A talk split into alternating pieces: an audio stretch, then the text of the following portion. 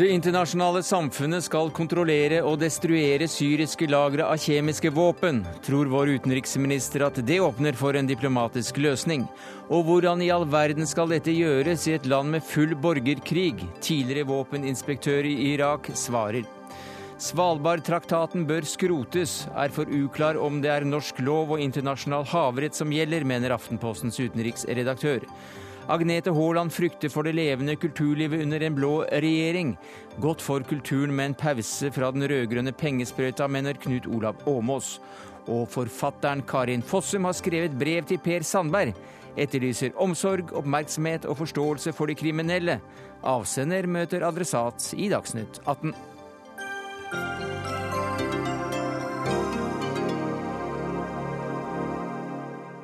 Ja, Det er noen av sakene i Dagsnytt 18 denne onsdagen, der vi også skal høre at utenlandske medier kopler Frp til massemorderen Behring Breivik, Breivik, og at det bekymrer norske ambassadører. Men først til eh, Syria-spørsmålet. For landet skal altså ha sagt ja til å plassere sine kjemiske våpen under internasjonal kontroll. Obama ba i natt den amerikanske kongressen om å utsette avstemningen om et militært angrep. Og i dag skal Russland ha gitt USA en plan om hvordan dette skal gjøres. Utenriksminister Espen Barth Eide, hvordan stiller Norge seg til det som nå skjer? Jeg mener det er uh, klart positivt at Russland er kommet med et uh, initiativ Eh, som jeg mener i prinsippet burde kunne gjennomføres. Og jeg mener også at det er positivt at eh, president Obama har eh, gitt det initiativet en sjanse, og da satt arbeidet med å få Kongressen til å ratifisere, unnskyld, til å slutte seg til et angrep på, på Syria på vent, mens man prøver å avklare dette russiske initiativet. Og Det er egentlig noe vi har arbeidet for å få til fra mange lands side, også fra norsk side, nemlig å utfordre Sikkerhetsrådets medlemmer på følgende spørsmål. Selv om vi vet at dere er uenige om Syria som sådan, så kan dere jo ikke være uenige om kjemiske våpen. Fordi samtlige medlemmer av Sikkerhetsrådet og praktisk talt alle andre land i verden har underskrevet en konvensjon som forbyr enhver bruk av kjemiske våpen i enhver sammenheng. Og det er dere enige om. Så hvorfor ikke prøve å finne noen løsninger sammen, istedenfor å ha en dyp splittelse også på det.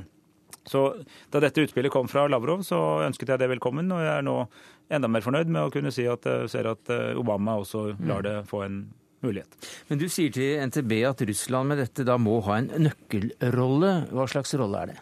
Jeg tror det landet som nok er best egnet til å faktisk gå inn og gjøre dette på regimekontrollert område Vi må jo forutsette at de kjemiske våpnene som regimet eier, er på de områdene de kontrollerer. De har jo hele tiden sagt at de har dem under kontroll. Det er Russland, både pga. Russlands eh, nære kontakt med, eh, eller nærmere kontakt med Assad enn andre land, Eh, og fordi de har en del kompetanse på disse spørsmålene, da de jo selv, eh, som USA, er land som tidligere har produsert eh, kjemiske våpen og har erfaring i destruksjon, f.eks. Så det, det, bør jo være en internasjonal jobb, men jeg regner med at Russland da er rede til å gjøre en del av den jobben selv. Og jeg mener de også egner seg til å gjøre det, altså gjøre i praksis det de sier at de går inn for. Bjørn Arne Johansen, eh, Johnsen, du er forskningssjef Forsvarets forskningsinstitutt eh, i dag. Men du var eh, tidligere våpeninspektør i Irak etter den første Golfkrigen. Hvordan i all verden skal man kunne gjennomføre det som nå ser ut som man vil gjennomføre i et land i borgerkrig? Det er vel det som er det vanskelige, da, at man får sikkerhetsaspektene på plass rundt dette her. Det, for man må jo først og fremst ha kontroll over våpenlagrene. Og det snakkes jo om at det er ganske mange lager faktisk også. Ja, Hvor mange kan det være snakk om? Eh, jeg har hørt snakk om at det kan være opptil 50 Aha. forskjellige lager. Og de må jo, eh, Det må vel da tropper inn for å få kontroll over dette her, før i det hele tatt eh, man kan sende inspektører inn for å, for å få undersøke hva slags typer våpen det er, eh, hvordan de er lagra, hvilken, hvilken, kvalitet det er på det, slik at man eh, kan bygge opp et, eh, et kontrollregime ut fra den tilstand de er i. Men la oss da si at man har klart å sikre områdene for så vidt som det er trygt nok for internasjonale våpeninspektører å komme inn. Hvordan går man da fram? Ja, Da blir det på samme måte sånn som vi hadde erfaring også i Irak. da, at Da må det bygges opp eh, destruksjonsanlegg eh, for, å, for, å, ødelegge disse her. Og, eh, og Det er vel teknologi da som må bringes til landet, enten man nå velger å eh, destruere ved hjelp av kjemikalier eller å forbrenne de. Som eh, er det vanlige teknologien, det å ha forbrenningsanlegg, og som også ble brukt i, eh, i, i Irak. Det blir også et problem, eller man må få oversikt over kvaliteten. For kan man, eh, etter hva jeg forstår, så er det ikke så veldig mye som er i, i lagertanker. Det er i våpen allerede. Og da må disse våpnene åpnes, fjerne eksplosiver, og så eh, ta ut de kjemiske stridsmidlene. Og, og det er ganske møysommelig arbeid som, som eh, kan kreve eh, lang tid og, mye arbeidskraft. Hvor lang tid kan man måtte regne med? Eh, ja, som jeg sa, Hvis det er i bølg, så, så, så er det nok eh, greit hvis man får I kasser og eh, kanner? Hmm? Ja, I kasser, I kasser og, og kanner ja. så, eh, så, er det så, så, kan det nok gå relativt raskt. Mm. Men, eh, men, man må altså bygge opp et anlegg der, eller bringe inn et anlegg for å gjøre det. Men er det eh, rakett for rakett, bombe for bombe, så kan det fort ta mange år å gjøre dette her. Bartheide. Ja, eh, Det tror jeg eh, det ga mye riktig Men jeg tror det, poenget fra, i det russiske forslaget er jo ikke når man skal være ferdig med destruksjonen. Det er når man skal kunne begynne å få kontroll. fordi Hovedformålet er jo å hindre at disse kjemiske våpnene blir brukt. og Det betyr altså å kartlegge hvor de er, og så sørge for at eh, noen andre da har kontroll på dem, enten der de er, eller flytting. Og skjønner jeg at å flytte på den type våpen ikke er spesielt Eh, trygt. Så det kan være at det blir på en måte å, å, å, overvåke at de blir der de er, og at de da ikke blir tatt i bruk. Og så vil man jo måtte forberede hele destruksjonsfasen. Eh, det som har vært amerikanernes argument hele tiden i denne, denne delen av Syria-krisen, det er jo at man må hindre videre bruk av kjemiske våpen.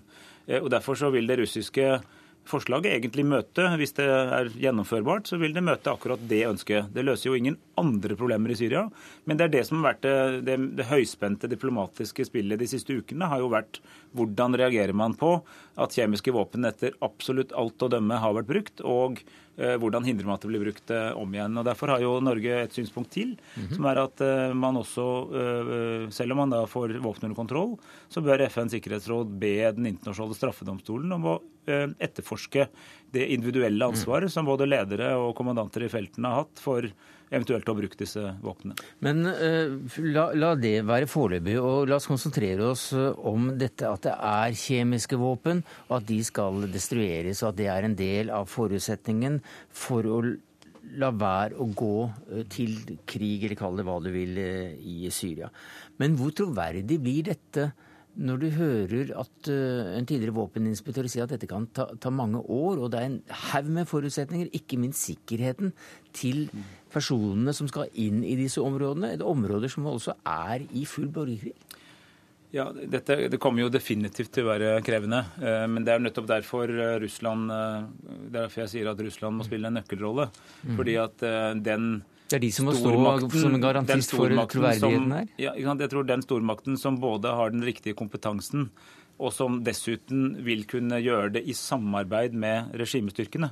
Eh, eller altså, på, altså bli akseptert eh, av regimets egne folk, det er russerne. Det er åpenbart at ikke eh, Assad vil slippe til f.eks. amerikanske mm. eksperter eller, eller væpnet personell inn på sitt anlegg. Og, eh, og Det er nøkkel som der Russland sitter på. Så selv om dette må være en internasjonal prosess, naturligvis ikke bare ett land, så tror jeg mye av nøkkelen ligger i at det er russerne som foreslår det, og at russerne nå, forventer jeg, eh, legger fram eh, i dag og i morgen, og skal de møte med utenriksminister Kerry i morgen, altså min kollega Lavrov skal møte med utenriksminister Kerry, og, og legge fram mer detaljer om hva russerne tenker seg. Så det er ikke, spørsmålet er ikke når man er ferdig destruert, Nei. men når man har altså tatt kontroll på dette. Eh, Hilde Restad, du er USA-forsker og førsteamanuensis i freds- og konfliktstudier ved Bjørknes høgskole. Og du ser særlig da på den amerikanske siden av dette her. I natt så holdt altså Obama en tale da han ba Kongressen om å, å, å vente. Hva innebærer det? det? Det innebærer på mange måter at Obama er blitt litt redda av Russland.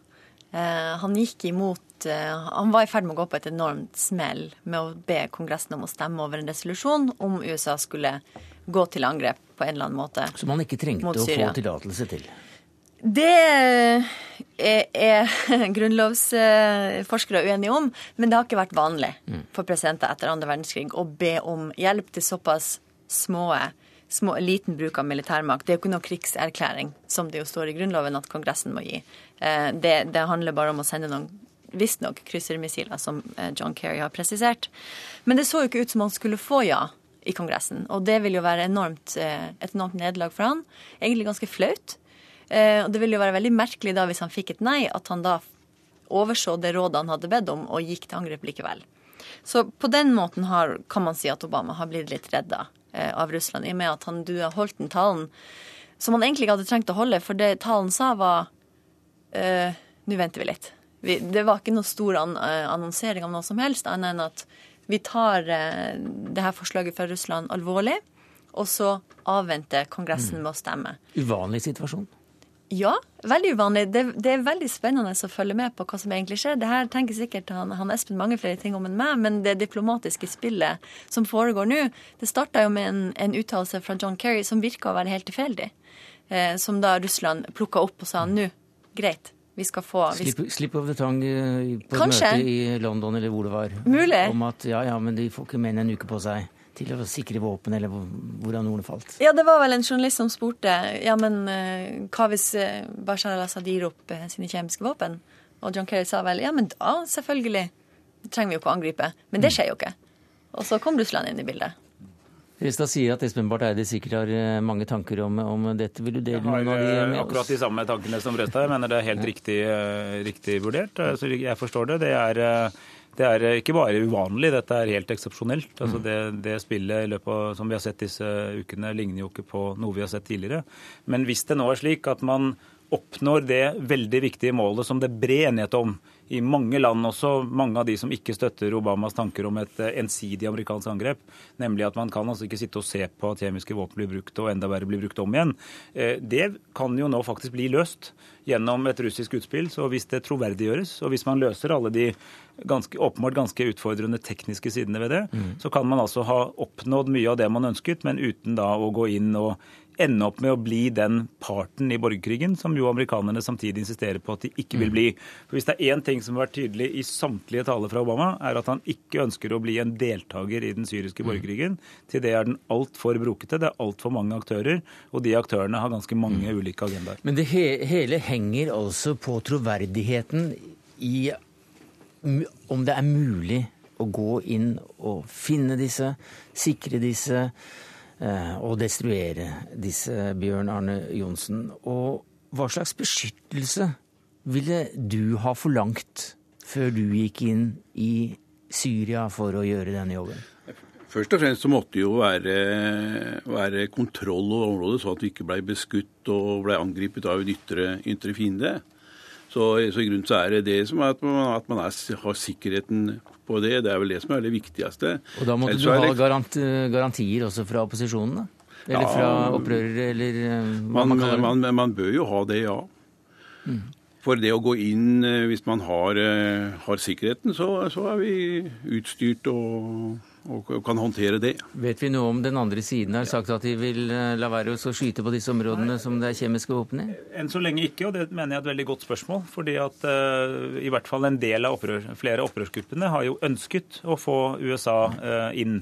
Eh, for de har jo rent militært sett ligget klart under. og Det har jo eh, mm. dessverre nå gått eh, regimets vei på slagmarken på mange måter. Så de har jo nettopp ønsket seg å få verdens største flyvåpen på sin side. Så de ser jo ikke med noe spesielt lystelig på at dette nå løses av diplomatisk vei. Så de har ikke en egen så, de har ikke noe, veldig, god, har ikke noe veldig god grunn til å gå inn og, for, og si at vi kommer ikke til å angripe? Men desto viktigere er det jo også at de som har kontakter den veien For nå mm. leverer jo russerne i forhold til, til tilsynelatende da i forhold til uh, Syria, altså Assad-regimet, så er det jo viktig at de som har kontaktene den veien, også må si at vi forventer mm. uh, i forhold til vår videre støtte at ikke de lager vanskeligheter for det som vi ønsker å gjøre, som hele verdenssamfunnet står mm. samlet om, nemlig å ta de kjemiske våpnene ut av denne konflikten. Takk skal du ha, Espen Barth Eide. Du må nesten bli sittende her. Hilde Restad, USA-forsker og førsteamanuensis i freds- og konfliktstudier ved Bjerknes høgskole, og Bjørn Anne Johnsen, forskningssjef ved Forsvarets forskningsinstitutt.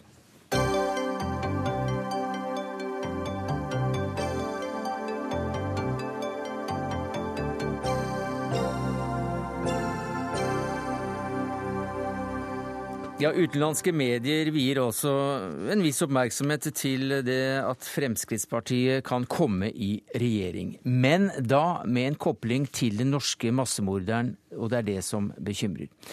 Det bekymrer bl.a. Italias største avis, Corriere della Sera, som skriver at det er høyresjokk i Norge, og at Anders Behring Breiviks parti skal i regjering. Det i seg selv har da ført til at Utenriksdepartementet har fått en bekymringsmelding fra den norske ambassaden i Italia, og hva sier dere til en slik bekymringsmelding når det til syvende og sist kommer på ditt bord, utenriksminister Espen Barth Eide? Nei, dette er jo en eh, bekymring vi deler, fordi vi får eh, innberetninger nå fra en rekke land om at eh, den koblingen mellom gjerningsmannen 22.07. sitt tidligere medlem i medlemskap i Fremskrittspartiet og hendelsene 22.07. og norske valget er dessverre da blitt en ganske stor del av dekningen av hva som skjedde i Norge. Og det mener jeg vi, enten vi er i Fremskrittspartiet eller ikke, det er jeg som kjent definitivt ikke, eh, er, eh, må se på som en, som en utfordring for omdømmet til Norge.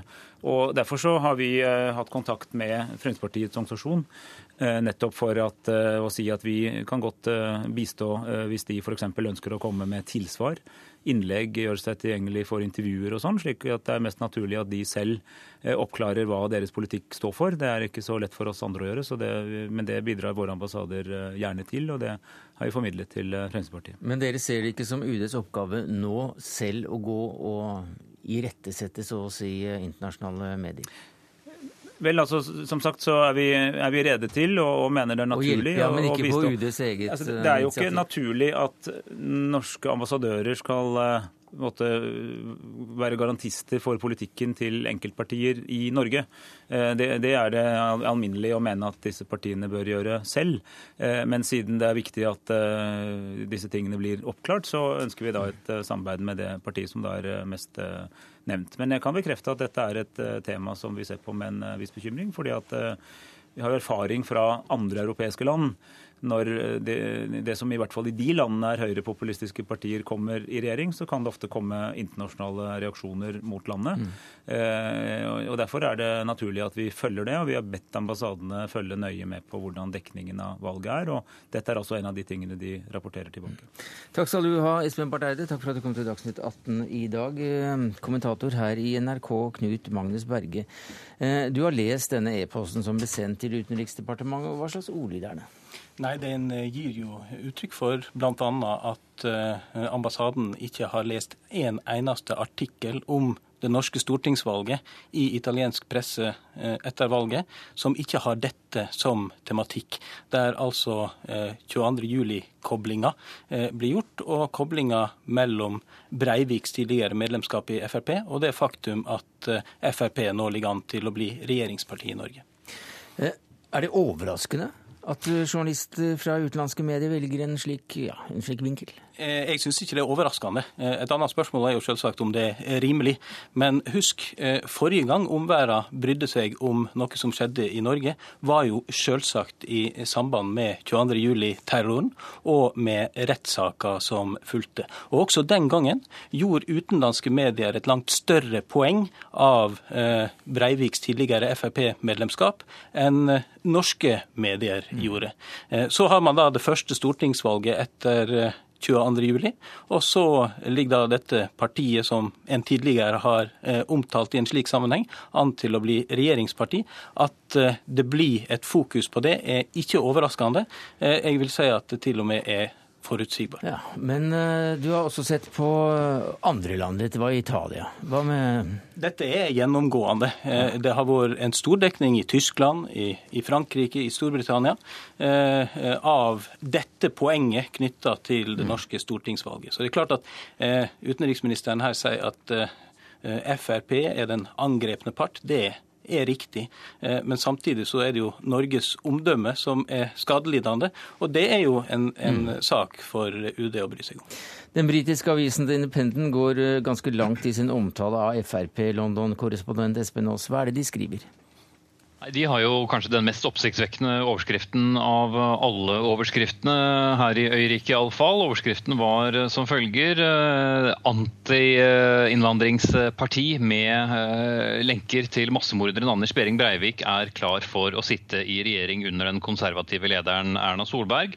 Og det hele er da illustrert med et stort bilde av eh, Breivik fra retten og et bilde av Siv Jensen. Like store, samme, samme type utsnitt snitt. Og dette er jo en sak som nå er delt 6000 ganger fra nettsiden til eh, The Independent. Så um, et ganske bredt oppslag. Hvis man leser hele artikkelen, så korrigeres bildet både via utenrikspolitisk talsmann Morten Høglund i Fremskrittspartiet og delvis også eh, overlevende fra Utøya. Men eh, da skal du være veldig interessert for å lese så langt ned i artikkelen. Du ble selv kontaktet av Russia Today i dag. Hva ville denne radiokanalen? Ja, altså Russia Today er da en engelskspråklig russisk radiokanal eh, her. Dette var for så vidt en, en, samtale for noen dager siden, riktignok, eh, hvor de spurte eh, litt rundt det norske valget. Hvem vinner, hvorfor tapper Jens Stoltenberg? Og så kom spørsmålet som var ganske illustrerende for en del utenlandske mediers syn på Fremskrittspartiet. Men hva med Fremskrittspartiet hvor Anders Behring Breivik var medlem? Hva syns folk om at et sånt parti skal komme i regjering?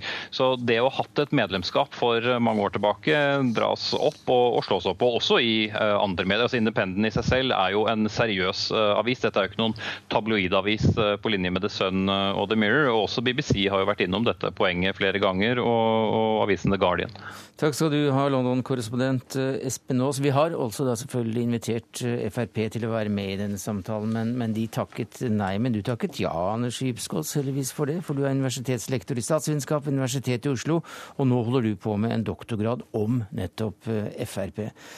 Og det er vel da grunn til å tro at europeiske medier sammenligner Frp med enkelte andre høyrepartier i, i sine land, eller hva er det som egentlig skjer?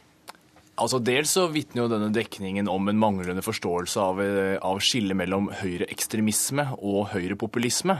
I tillegg til at eh, Fremskrittspartiet da tilhører den virkelig moderate delen av de såkalte høyrepopulistiske strømningene i Europa. Eh, det er jo litt eh, urovekkende at eh, man ikke klarer å skille da mellom voldelige personer som har sagt opp sitt medlemskap, tilsynelatende fordi han mente at Fremskrittspartiet var overhodet ikke radikale nok og gikk langt nok i sin virkemiddelbruk, og et parti som til tross for at det har interne spenninger også i Fremskrittspartiet, hvor langt man er villig til å gå. Det så vi også i valgkampen eh, med dette bærekraftsutvalget, som la frem sine tanker om en ny innvandringspolitikk for Fremskrittspartiet. Men ser man på det offisielle partiplatt, altså plattformen, politiske plattformen til Fremskrittspartiet i dag, så er det en ganske moderat utgave av den typen innvandringskritiske partier i Europa.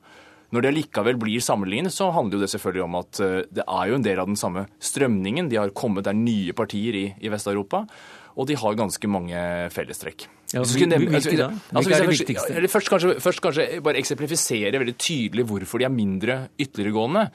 Eh, man kunne se på eh, et standpunkt som som når minaretene f.eks. For ble forbudt, eh, disse folkeavstemningene i Sveits eh, for noen år tilbake. Mm så rykket mange av de, nesten alle disse høyrepartiene rykket ut at dette må vi gjøre i vårt land også. Eh, mens da Per-Willy Amundsen, den gang innvandringspolitisk talsperson for Fremskrittspartiet, svarte at dette er et brudd på de grunnleggende liberale prinsipper og ville ikke fremme noe slikt forslag i Norge. Det var forskjellen. Ja, Et annet eksempel liksom, det er også da Gert Willer som ønsker å forby Koranen. Den type ting hører vi jo ikke fra, fra Fremskrittspartiet. Altså det, vi, det vi for ser, er jo at i dette bærekraftsutvalget så er det en en motsetning, da, eller en spenning mellom de som først og fremst er kritisk til innvandring av økonomiske hensyn, som var det klassiske måte, måten Fremskrittspartiet rammet inn innvandringskritikken sin på, helt fra 1987, når det kom først inn i norsk politisk debatt, og de som er mer opptatt av at innvandring er en trussel mot norsk kultur. Jeg pleier å si at Vi, vi gjorde en, en, undersøkelse i 2009 hvor ca. halvparten av partieliten da, i Fremskrittspartiet på landsmøtet var enig i at det var en alvorlig trussel mot norsk kultur. Den delen av partiet minner mer om de mer høyrepopulistiske partiene i Europa, mens det er andre folk i partiet som er veldig kritiske i den retningen, og som egentlig ikke er noe særlig opptatt av innvandring i hele tatt. Kanskje mer av bompenger mm. og andre, andre politikkområder. Hva vil du si om den eh, pedagogiske utfordringen som da eventuelt Frp og, og da eventuelt UD vil stå overfor når det gjelder å fortelle hva som er var? Ja, nå har jo begynt å ha en liten, De har jo litt erfaring med dette. her. Da. Jeg, jeg sjekket opp her at uh, allerede i 1998 så var det en FN-rapport som sammenlignet eh, Fremskrittspartiet med den type partier. Og Den gangen så mente jo selvfølgelig Carl I. Hagen at dette skulle han ikke ha noe av. Og han fikk til og med støtte av daværende statssekretær Åslaug Haga, som rykket ut til fordel for, for Carl I. Hagen den gangen. Og etter det så har jo Fremskrittspartiet jobbet systematisk over tid. Hatt eh, et internasjonalt utvalg som har forsøkt å på en måte skape et annet bilde av seg selv i utlandet.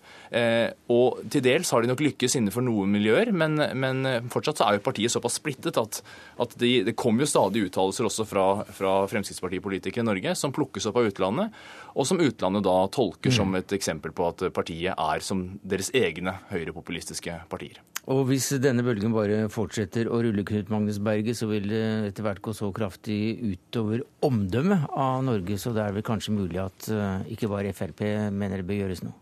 Nå skal en jo inn i en periode i Norge med regjeringsforhandlinger. Eh, en enda sannsynligvis opp med en regjering der Frp er en del. Eh, av den regjeringa, og eh, da vil garantert denne runden komme igjen. Så kan jo både Frp og kanskje også Utenriksdepartementet tenke seg nøye om hvordan en skal møte det når det kommer igjen, for det kommer igjen. En annen ting er jo selvsagt om det er rimelig det som skjer. De aller fleste som følger norsk politikk vil jo mene at dette ikke er rimelig. Det er selvsagt et hav av forskjell på Breiviks ideologi og Fremskrittspartiets politikk, og det er òg stor forskjell på Fremskrittspartiet og en del av de partiene i mm. Europa som de nå blir slått i hardkorn med. Mm. Mer om dette i Dagsrevyen senere i kveld. Takk skal du ha så langt, Knut Magnus Berge, kommentator i NRK, og Anders Gipskås, universitetslektor i statsvitenskap ved Universitetet i Oslo.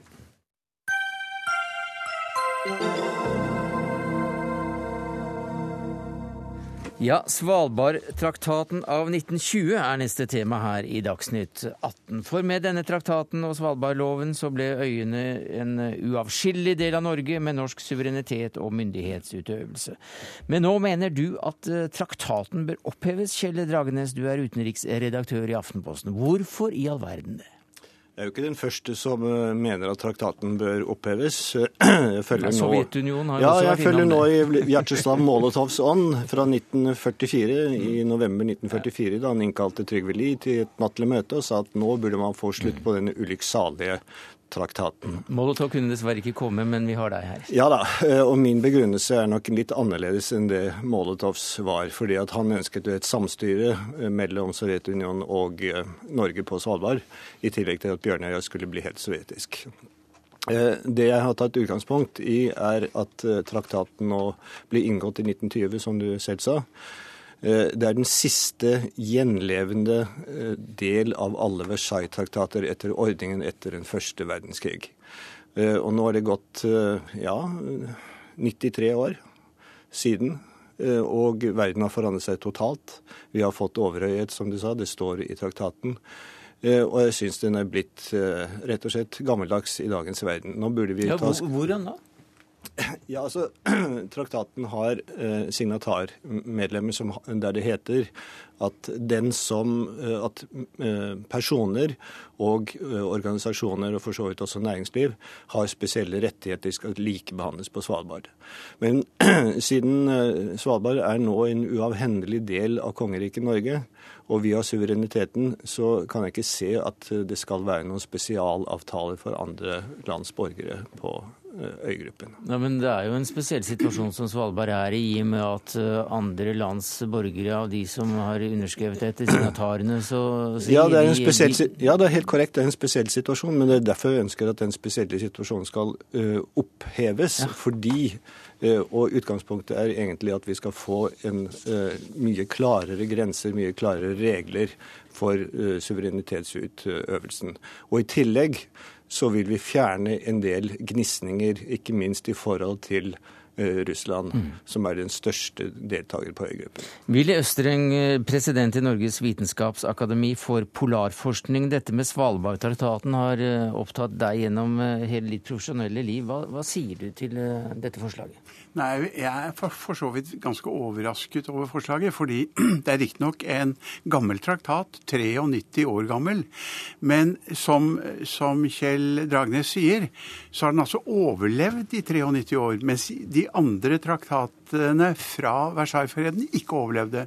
Det betyr altså at den har en fleksibilitet som de andre traktatene ikke hadde.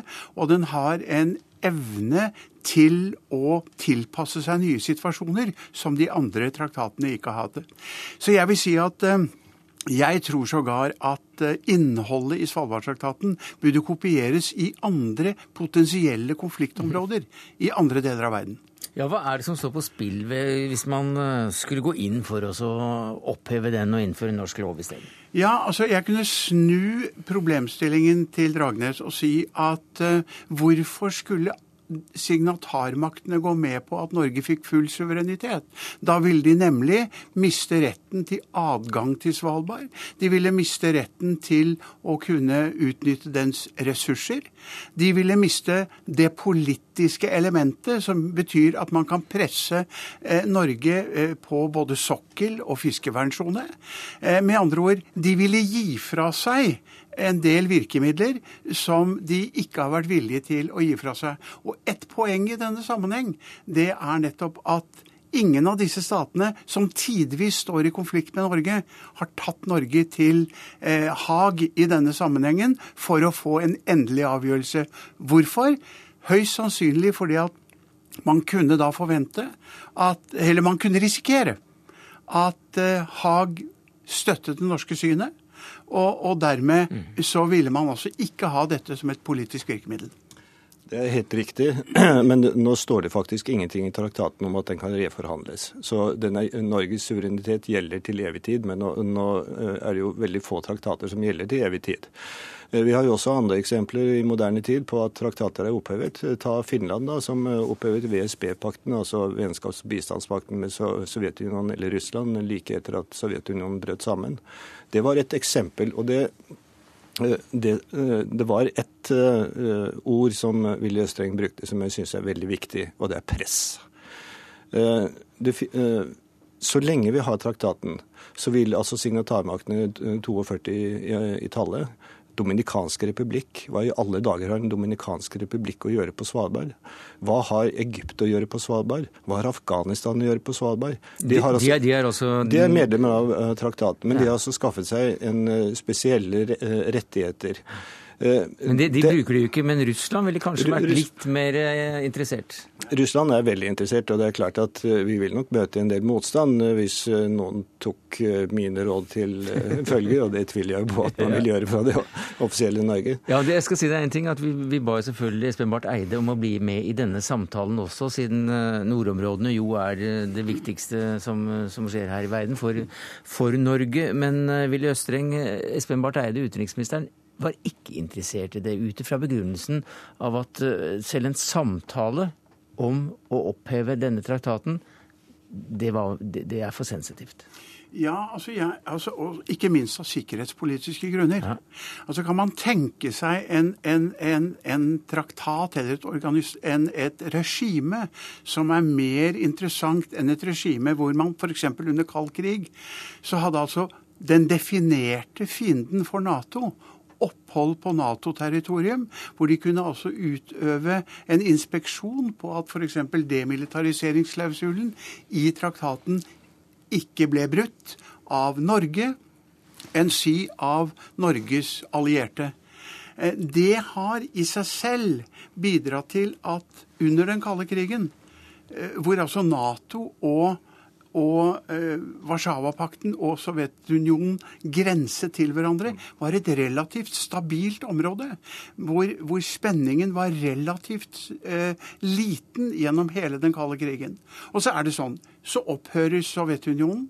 Og der står vi igjen med Russland, som har nøyaktig det samme geopolitiske synspunktet når det gjelder Svalbard, nemlig at Svalbard kan være et utgangspunkt for angrep både på eh, sovjet, russisk territorium og være en trussel mot eh, bevegelsesfriheten for Nordflåten. Men det var jo slik at eh, Sovjetunionen også i 19, begynnelsen av 1970-tallet var interessert i å reforhandle eller få denne avtalen i en annen form ved å få større innflytelse ja, over, har, over området. Det jo, uh, og det var den kalde krigen? Det var den kalde krigen, men den kalde krigen har vært over siden 1990 eller 1991. Det er nå 25 år siden, det er et kvart sekel. Og det er vel kanskje på tide at vi ser den nye tid komme, mm. slik at vi nå opphever traktaten Eh, får klare grenser, og det er kanskje det viktigste budskapet, som er at man får klare grenser, mindre gnisninger, fordi det ikke vil være diskusjon om fiskevernsoner, eh, om opp, eh, mulighet til å kontrollere og den slags type mm. saker. Du og, og Ivar Kristiansen fra Høyre ble jo intervjuet av Troms, NRK Troms om dette, og da sa Kristiansen at å åpne for dette er som å spille rulett. Fordi hvis man først åpner noe, ja, så er tingene i spill. Ja, jeg skjønner ikke. Det er, det, er en, det er, en, som ikke skjønner, og så er det en som, en som, nikker. Ja, eh, altså jeg, jeg, ser faktisk på det som en, en form for rulett. Russisk rulett. Og jeg er helt åpenbart Jeg er av den oppfatning at Russland selvsagt gjerne vil ha suvereniteten over Svalbard. Da hadde de maksimal styring med den nordlige delen av det såkalte Cola Inlet. Men når de ikke får det, så er Norge det nest beste alternativet. Derfor tjener dette så russiske interesser også i dag. Mm. Sikkerhetsinteresser. Jeg tror, eh, jeg tror, ikke vi bare skal konsentrere oss om Russland, for eh, det tror jeg blir for enkelt. Det er klart at russerne har spesielle eh, ønsker når det gjelder Svalbard, det er ingen tvil om. Men vi har også sett forsøk fra EUs side de har snakket om det de kalte 'enhanced governance', altså et forsterket styre i nordområdene. Vi ser nå at interessen for nordområdene øker. Eh, den er kanskje ikke riktig så stor som vi hadde trodd en periode, men den øker. Vi vil få næringsvirksomhet, vi vil få eh, press fra andre land, fra EU, fra USA eh, ikke minst, fra selskaper som ønsker å opptre på sokkelen mm. i nord. Vi nevnte at Utenriksdepartementet ikke var spesielt interessert i å snakke om dette, og det var i dag heller ikke Høyre, så vi får se hvordan det blir med en eh, eventuelt ny regjering, Kjell Dragnes. Takk for at eh, du kom som utenriksredaktør i Aftenposten. Willy Østreng, president i Norges vitenskapsakademi for polarforskning.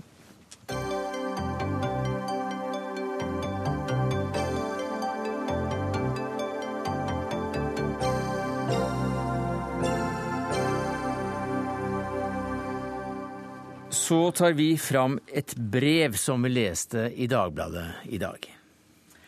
Kjære Per Sandberg. Du må forholde deg til den norske kriminalomsorgen med innsikt og forståelse. En soning skal ikke være som et pleiehjem i det norske rike samfunnet, sier du.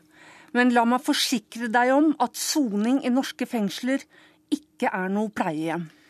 Ja, Det skriver også du, forfatter Kari Fossum, i et åpent brev til Frp-nestleder Per Sandberg i Dagbladet i dag. Hvorfor gjør du det? Det er det flere grunner til. Eh, det vil kanskje være noen politikere, f.eks. Per Sandberg, som mener at jeg skal holde meg til kriminalromanene mine. Det kommer jeg til å fortsette å gjøre. Men eh, så er det sagt. Men dette er ting jeg alltid har vært opptatt av. Helt fra jeg var lita jente og hørte om Jakob Schnickler i Bergen, så ble jeg veldig, veldig opptatt av forbrytelsen og hvordan vi håndterte forbryterne i samfunnet vårt. Men uh, du sier da i brevs form at, uh, at du ber uh, Sandberg forholde seg til den norske kriminalomsorgen med innsikt og forståelse, og at en soning ikke skal være som et pleiehjem i det norske rike samfunnet, sier du. Men, men, men hva mener du med det? Altså, har Sandberg sagt noe i den retning? Sandberg har kommet med utspill der han vektlegger i veldig stor grad at straffen skal kjennes på kroppen, og det skal være begrensede privilegier. Og han snakker om å ha egne fengsler for utenlandske fanger. Det er disse tinga jeg reagerer på. Men brevet er også ment som et brev og en påminnelse generelt til den nye regjeringen som vi nå får. Og det er en henstillelse til dem om å huske på at det ligger historier bak hele veien. Fanger er også mennesker, leder av justiskomiteen og Fremskrittspartiets nestleder Per Sandberg. Hva er ditt svar på brevet forfatteren Karin Fossum sendte deg i dag? Eh, fanger er absolutt mennesker. Og jeg har full respekt for at Fossum skriver dette brevet. Jeg skulle hilse fra kona mi, forresten, som har lest alt Fossum har skrevet. Jeg har ikke lest noe, dessverre. Men sånn som jeg har forstått det, så er jeg en fantastisk forfatter. Og i hennes forfatterskap så det, handler det om å blande fiksjon og fakta. Og det gjør også Fossum i dag. Eh, hennes reaksjon kommer sannsynligvis med bakgrunn i mitt krav i forhold til å få utenlandske fengsel med lavere standard. Nå er det sånn at eh, Den sittende regjeringa har etablert et eh, fengsel for utenlandske kriminelle på Kongsvinger. Så påstår jeg faktisk at når 35% av dem som sitter i norske fengsel, er utlendinger, Eh, og nesten 70% av varetektskapasiteten vår er tatt av utenlandske kriminelle, så har vi en utfordring. Ja, Men utfordringen er da bl.a. at Ja, men så skal jeg ta det. Ja. Men altså, når vi behandla eh, kriminalomsorgens melding 35, tror jeg husker på det var, så det, var det tverrpolitisk enighet. Progresjon gjennom soning skal være etter beste evne, sånn at vi kan tilbakeføre til samfunnet. Og det gjør vi, og det står Fremskrittspartiet også bak. Men du vil jo bl.a. fjerne eh, fjernsynsskjermer fra cellene? Ja, det Fjernsynsskjermene det er jo bare en bagatell oppi det her. Jo, men, men du skriver men, men, du sier i hvert fall det, så la oss holde fast ved en bagatell. Ja, men det, det er poenget mitt at vi har bygd et nytt fengsel i Norge som heter for Halden fengsel. Her er det et prosjekt som vi tverrpolitisk har stått sammen om, som skal ha en viss progresjon for best mulig å få de kriminelle ut i eh, normal virksomhet. Nå er det sånn at 45% av de som sitter i Halden, er utenlandske kriminelle, og de aller fleste skal ikke tilbake til det norske samfunnet. Da er det bortkasta ressurser og midler, både med flatskjerm og alle mulige andre tilbud til utenlandske kriminelle som skal sendes ut av Norge. Hva sier du Derfor har jeg sagt at denne 45 mm. bør, bør, overføres til et fengsel ja. for utenlandske kriminelle. Karin Fossum, hva sier du til det? Ja, altså... Eh, vi har etter hvert et multikulturelt samfunn, og det vil også avspeile seg på kriminalstatistikken. Eh, selvfølgelig. Og eh, du sier at et fjernsyn er ikke en bagatell. Eller et fjernsyn er en bagatell, men det er det faktisk ikke. For de som sitter inne, de må få fortsette å være en del av det samfunnet som de har forbrutt seg mot. De må være orientert. De må få se samfunnets reaksjoner på det de har gjort, og alle disse tingene. Og noen ganger så kan vi lese i avisene, det opprører meg veldig, at utenlandske fanger sier at de kommer til Norge for å forbryte seg her, for her har vi så fine fengsler. Og når folk leser det, så skjønner jeg veldig godt at de reagerer med harme. Men hva betyr det egentlig? Betyr ikke det at de kommer fra land med skrekkelige soningsforhold? Og det er jo da land vi helst ikke vil sammenligne oss med. Ja, men her tar, her, her tar man igjen feil. Altså Norge, eh, tverrpolitisk, så har vi fått laga utleveringsavtaler for utenlandske kriminelle som skal sendes tilbake til sitt opprinnelsesland for å sone. Så der står ikke Fremskrittspartiet alene på noen slags måte.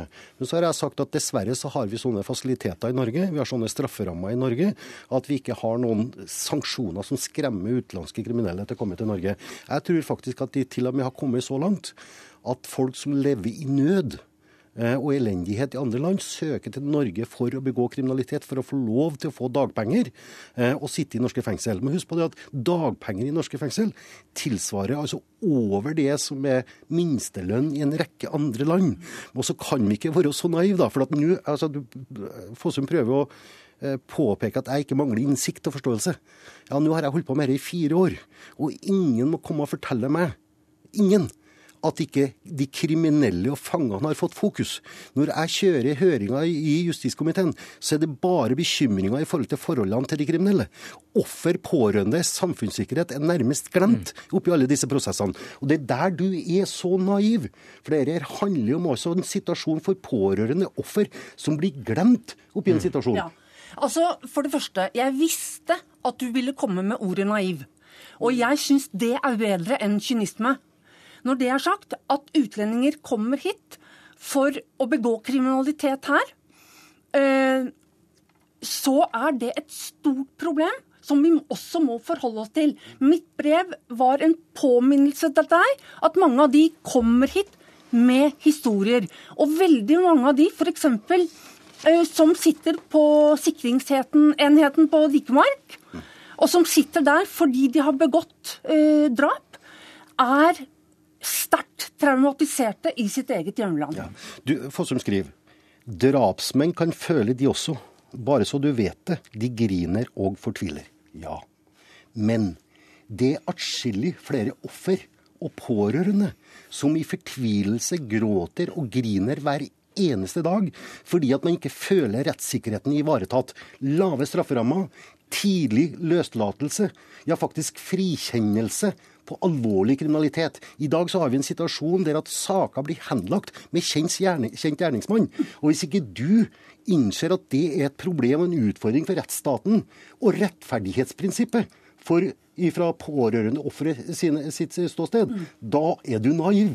Det er et problem. Det er jeg helt enig med deg i. Men jeg er ikke enig med deg i at offeret og de pårørende blir glemt.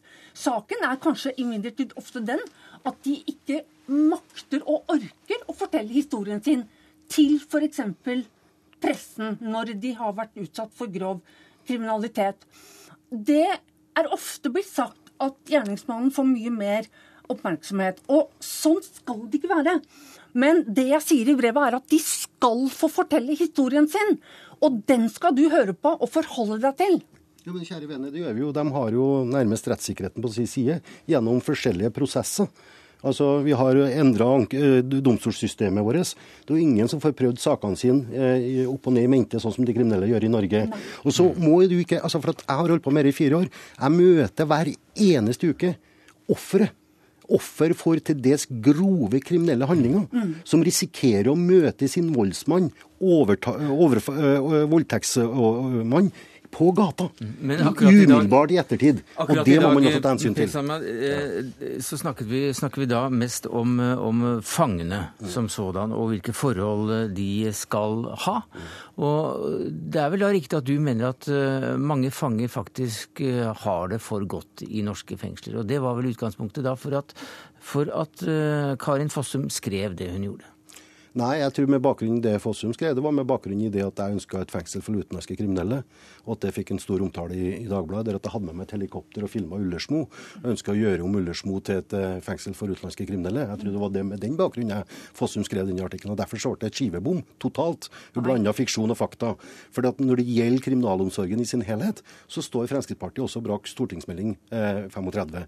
Men så er det også en realitet at vi, bø, vi mangler kapasitet. Det er en voldsom Eh, situasjon i norsk fengsel også. De som mm. jobber der, er utsatt for en helt ny situasjon. Det er annen type kriminelle. De er tøffere. Eh, den er mangfoldig i forhold til kultur, språkproblemer. Det er sprengt mm. kapasitet.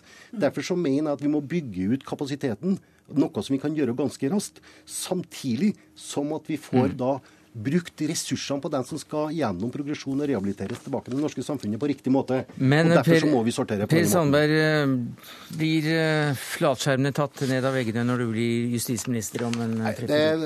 Nå skal vi jo inn i sonderinger og forhandlinger, men jeg tror ikke at disse flatskjermene er en del av det, for å si det sånn. Takk skal du ha for at du kom og, og svarte på brevet, Per Sandberg, nestleder i Frp, der avsenderen altså var Karin Fossum, som er forfatter. Takk for at du kom til studio. Takk for meg.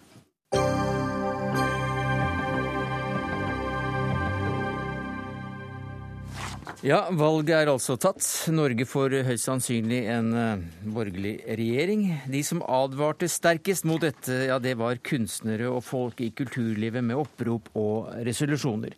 Norske kulturredaktørers frykt og beven er et underlig skue. Ja, det skriver du som Aftenpostens kultur- og debattredaktør i dag, Knut Olav Åmås. Hva mener du med det?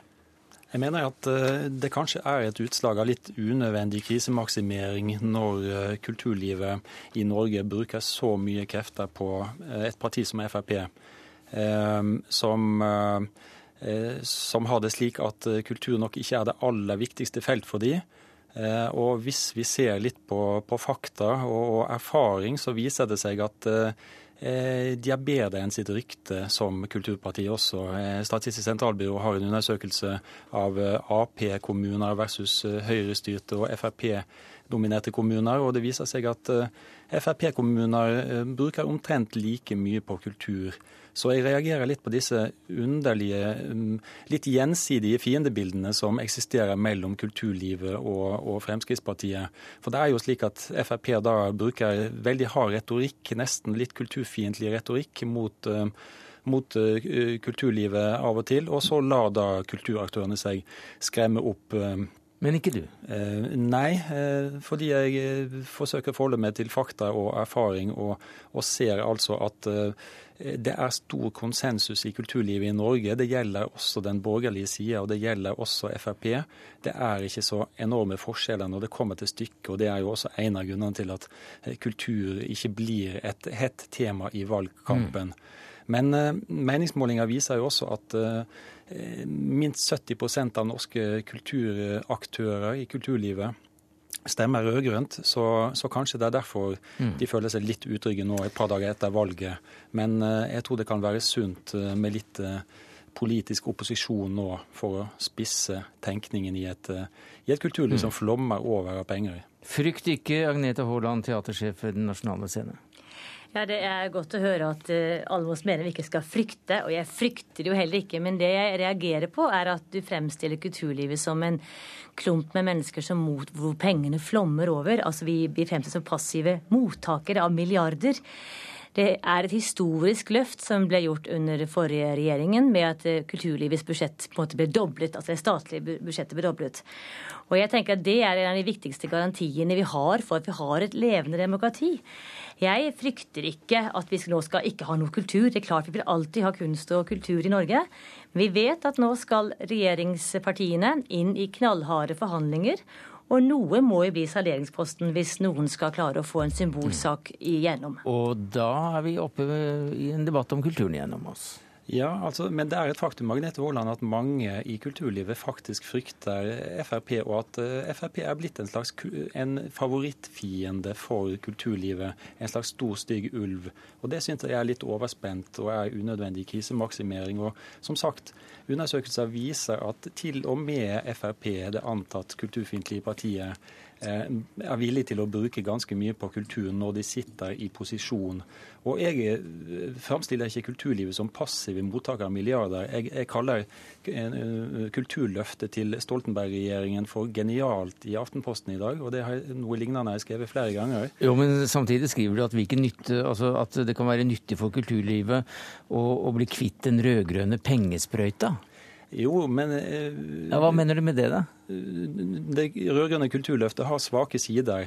Eh, Blant annet å gi penger. Også den rød-grønne pengesprøyte har kulturlivet bare godt av å bli kvitt. Politikk dreier seg om mer enn penger. Det dreier seg også om retning og ideologi. Og, og vi trenger å diskutere mer av kvalitet og innhold nå. Det trenger kulturlivet også. Så Slik sett så slutter jeg meg til det en Minerva-redaktør sier i, i, min egen avis i dag, at det kan kanskje være sunt for kulturlivet med å, å, være litt mindre på lag med den politiske makta mm. nå, uh, og, og, føle seg litt i opposisjon. Mm. En slik situasjon har skapt god kultur og kunst mange ganger i historien. Det er klart, og jeg opplever heller ikke at vi er på lag med den forrige politiske makten. Nå, ja, Du sto jo på scenen da og framførte en kort monolog eh, der du oppfordret om å stemme rød-grønt. Ja, og jeg oppfordret til å støtte Kulturløftet fordi jeg virkelig har en religiøs tro på at kultur og kunst i samfunnet er viktig. Altså, og jeg må jo si til Amos at jeg har jo lest FrPs program i likhet med deg, og det står da at publikums begeistring vil i stor grad avgjøre hvilke kunstformer som vil overleve. Og det betyr jo da i klartekst at den kunsten som ikke har like stor sjanse til å nå et stort og kanskje betalingssterkt publikum, vil ha store problemer med å overleve.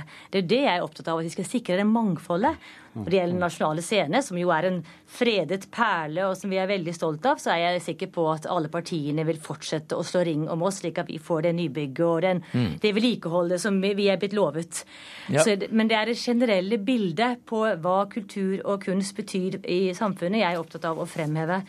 Det er jo snakk om ideologi, det er snakk om fellesskapsløsninger kontra ren markedsliberalisme. Og så er det den, Et øyeblikk, det må jeg nesten få Åmås eh, med på. Ja.